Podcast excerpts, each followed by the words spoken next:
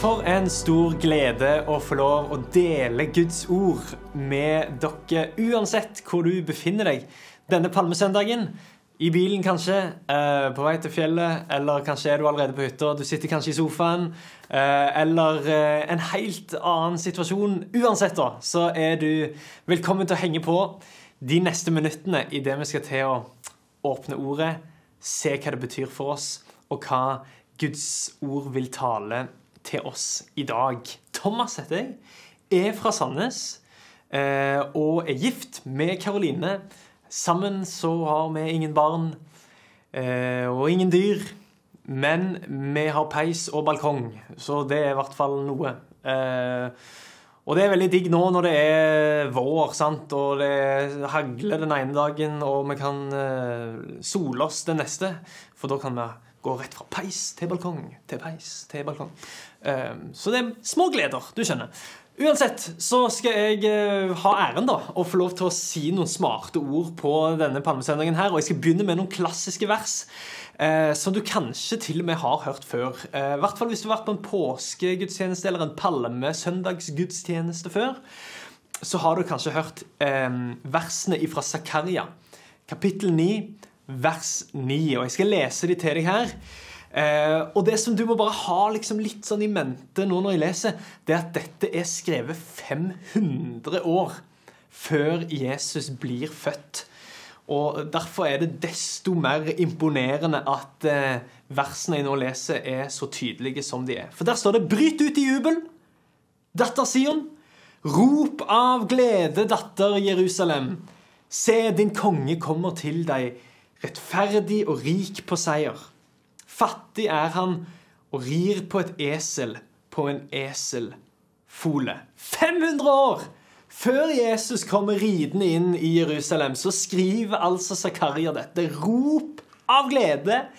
Bryt ut i jubel for kongen kommer. Det kan jo tenkes, og det føles jo som, at dette er en noe prematur oppmuntring, på en måte. 500 år før Jesus blir født, så er altså dette budskapet som Gud gir til sitt folk. Nå er tiden inne til å bryte ut i jubel. Nå er tiden her for å rope av glede, for Gud skal snart tråkke inn i historien og gjøre alle ting nye.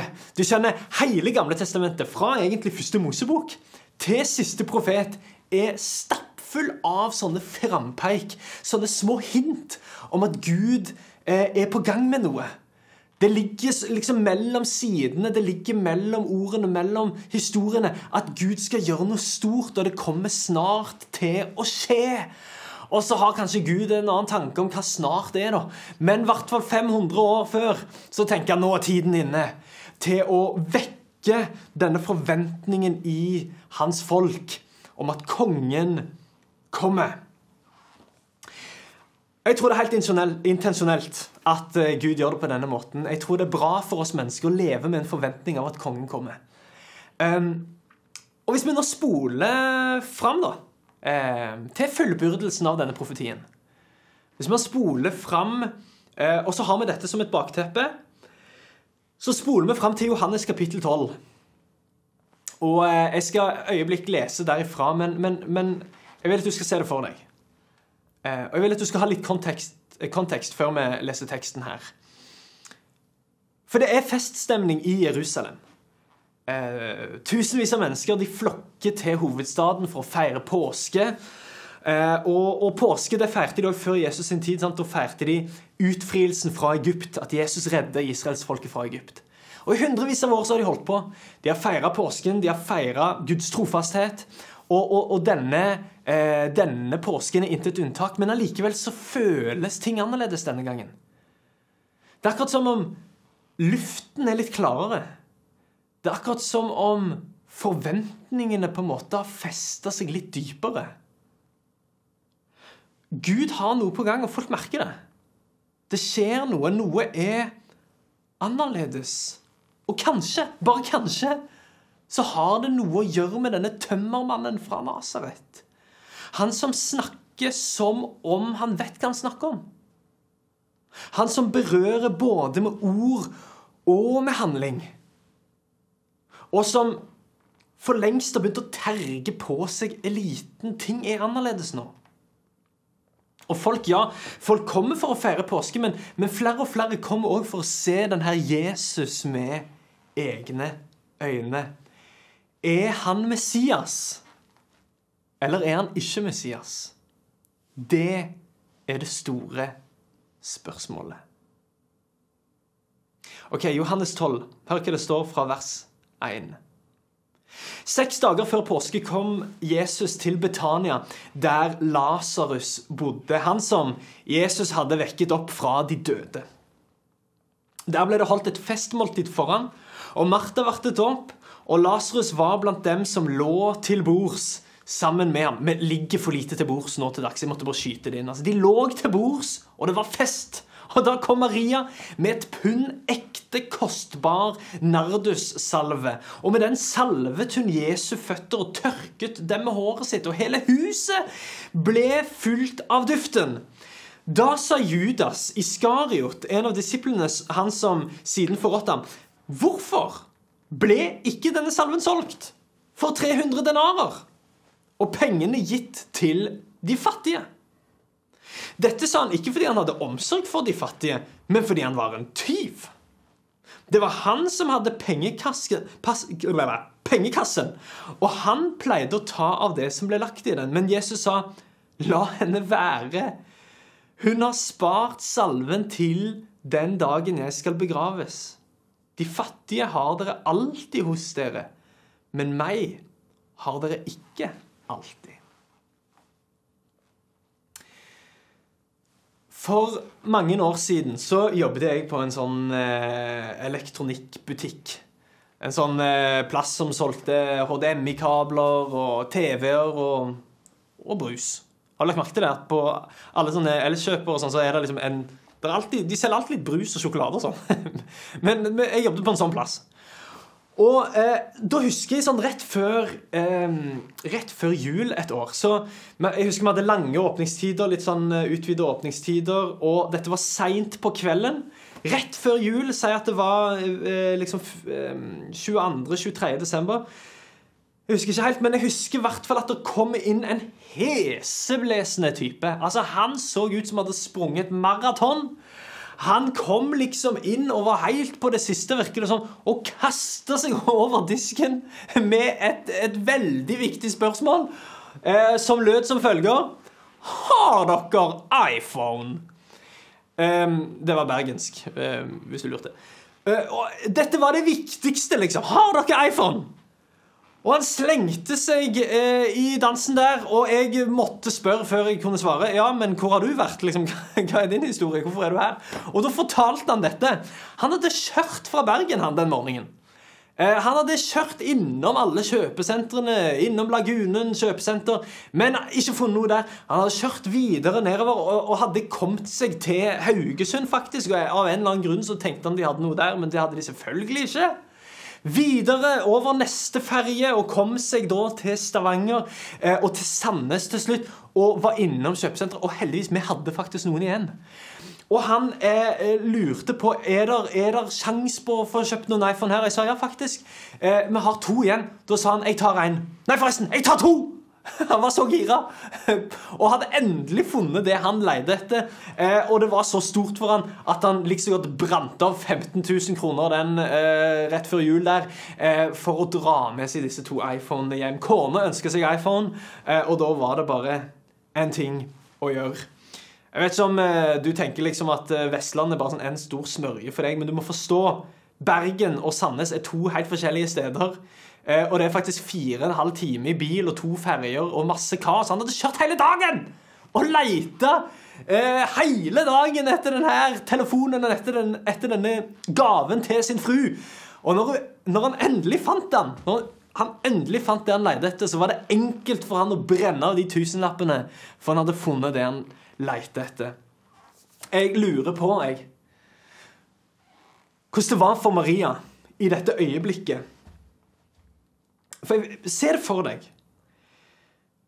For Maria sitter der sammen med sine søsken, Martha og Lasarus.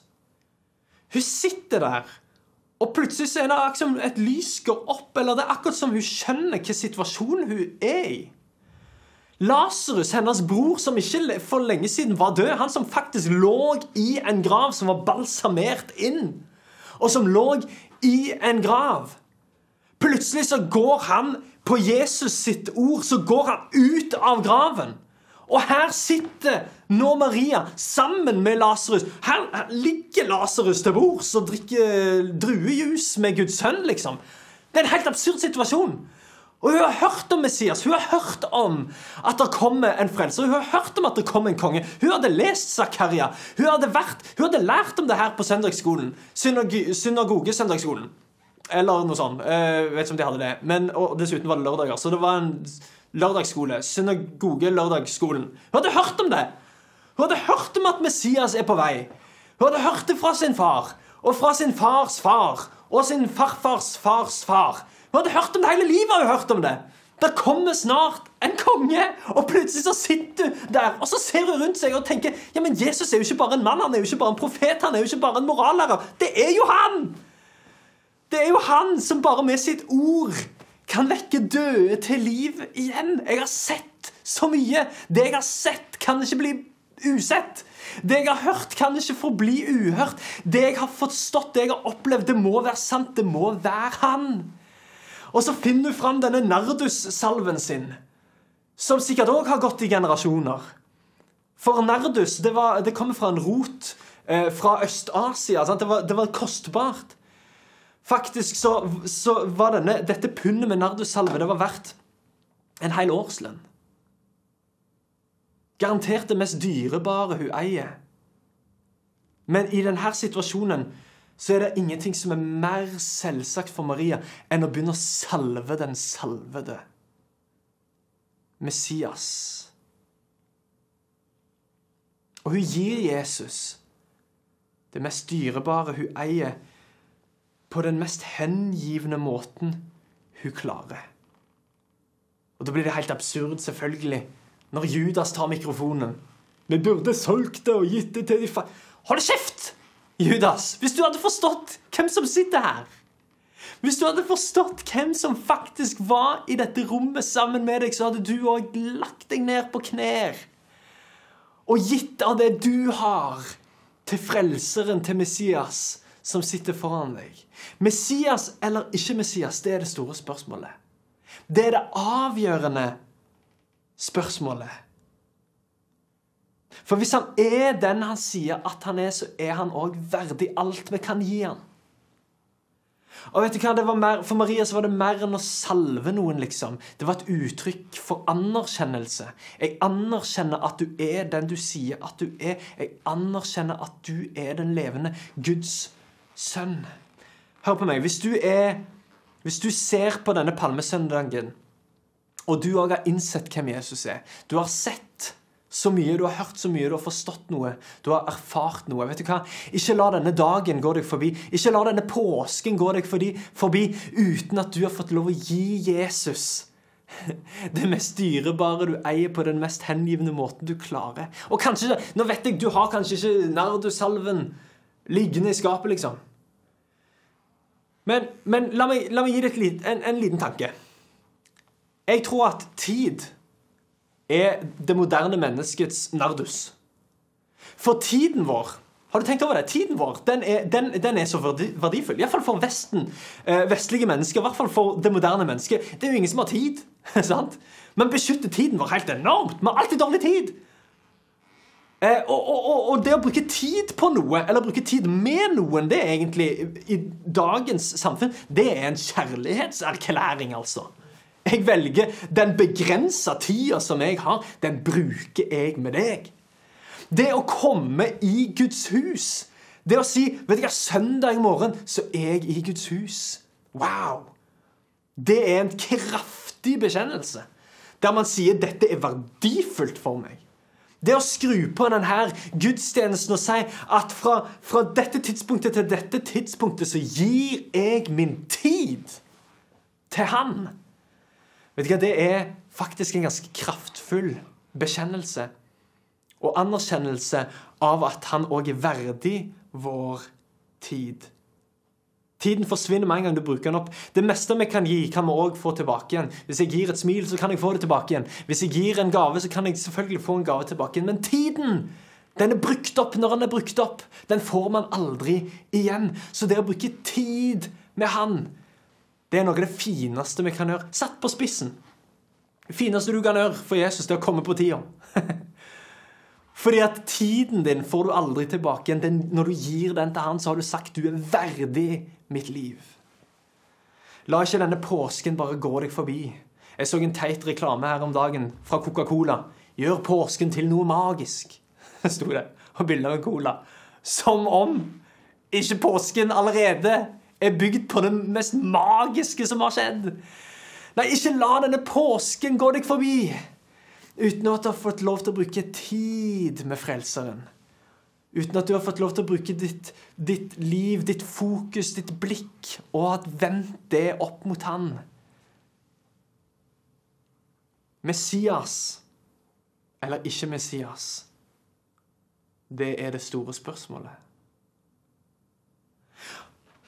Og det er flere og flere som begynner å innse hvem Jesus er på denne tiden. Og Vi skal lese litt videre, for det står fra vers 12 at dagen etter så fikk folkemengden som var kommet til festen, høre at Jesus var på vei inn i Jerusalem. Og da tok de palmegreinene og gikk ut for å møte ham, og de ropte Hosianna! Redningen eller frelseren. Hosianna, velsignet er han som kommer i Herrens navn, Israels konge.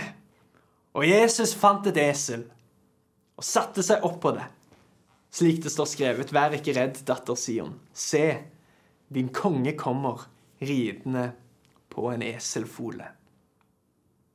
Den 500 år gamle profetien har gått i oppfyllelse. Og her, på eh, historiens første palmesøndag, så er Jesus på mange måter eh, på høyden av sin karriere, altså. Her er det ikke bare Maria, men plutselig så er det en hel gjeng som løfter palmegreinene. En hel gjeng som det står, De tar av seg kappene sine, de legger det ut over veien, sånn at Jesus, kongen, kan ri inn i Jerusalem, den hellige byen.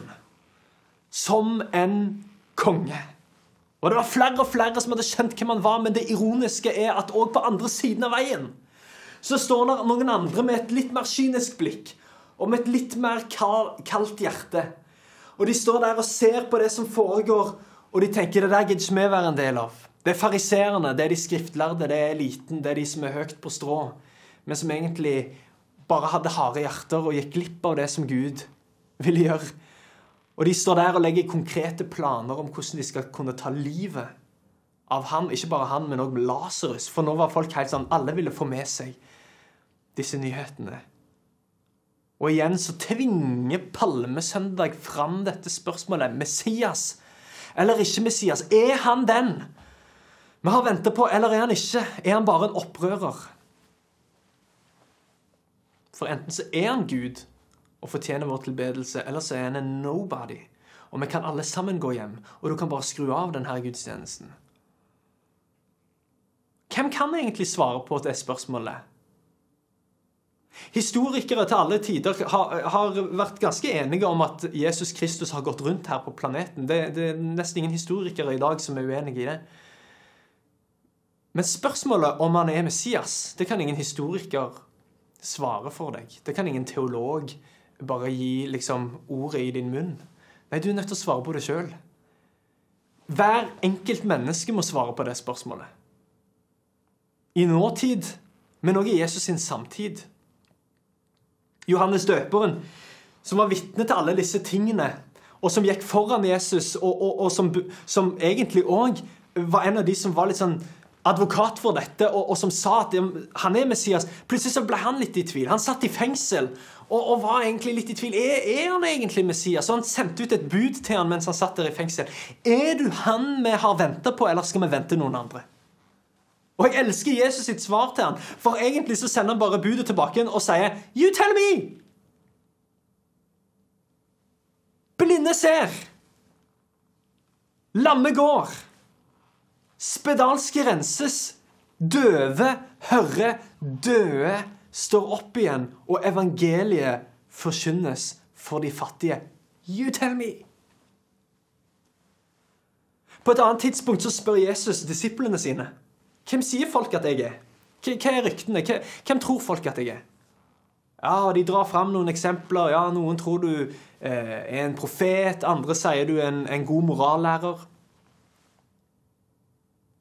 Og Så sier Jesus, ja, dere da, hvem sier dere at jeg er? Og det er da Peter tar ordet og bekjenner du er Messias. Den levende Guds sønn.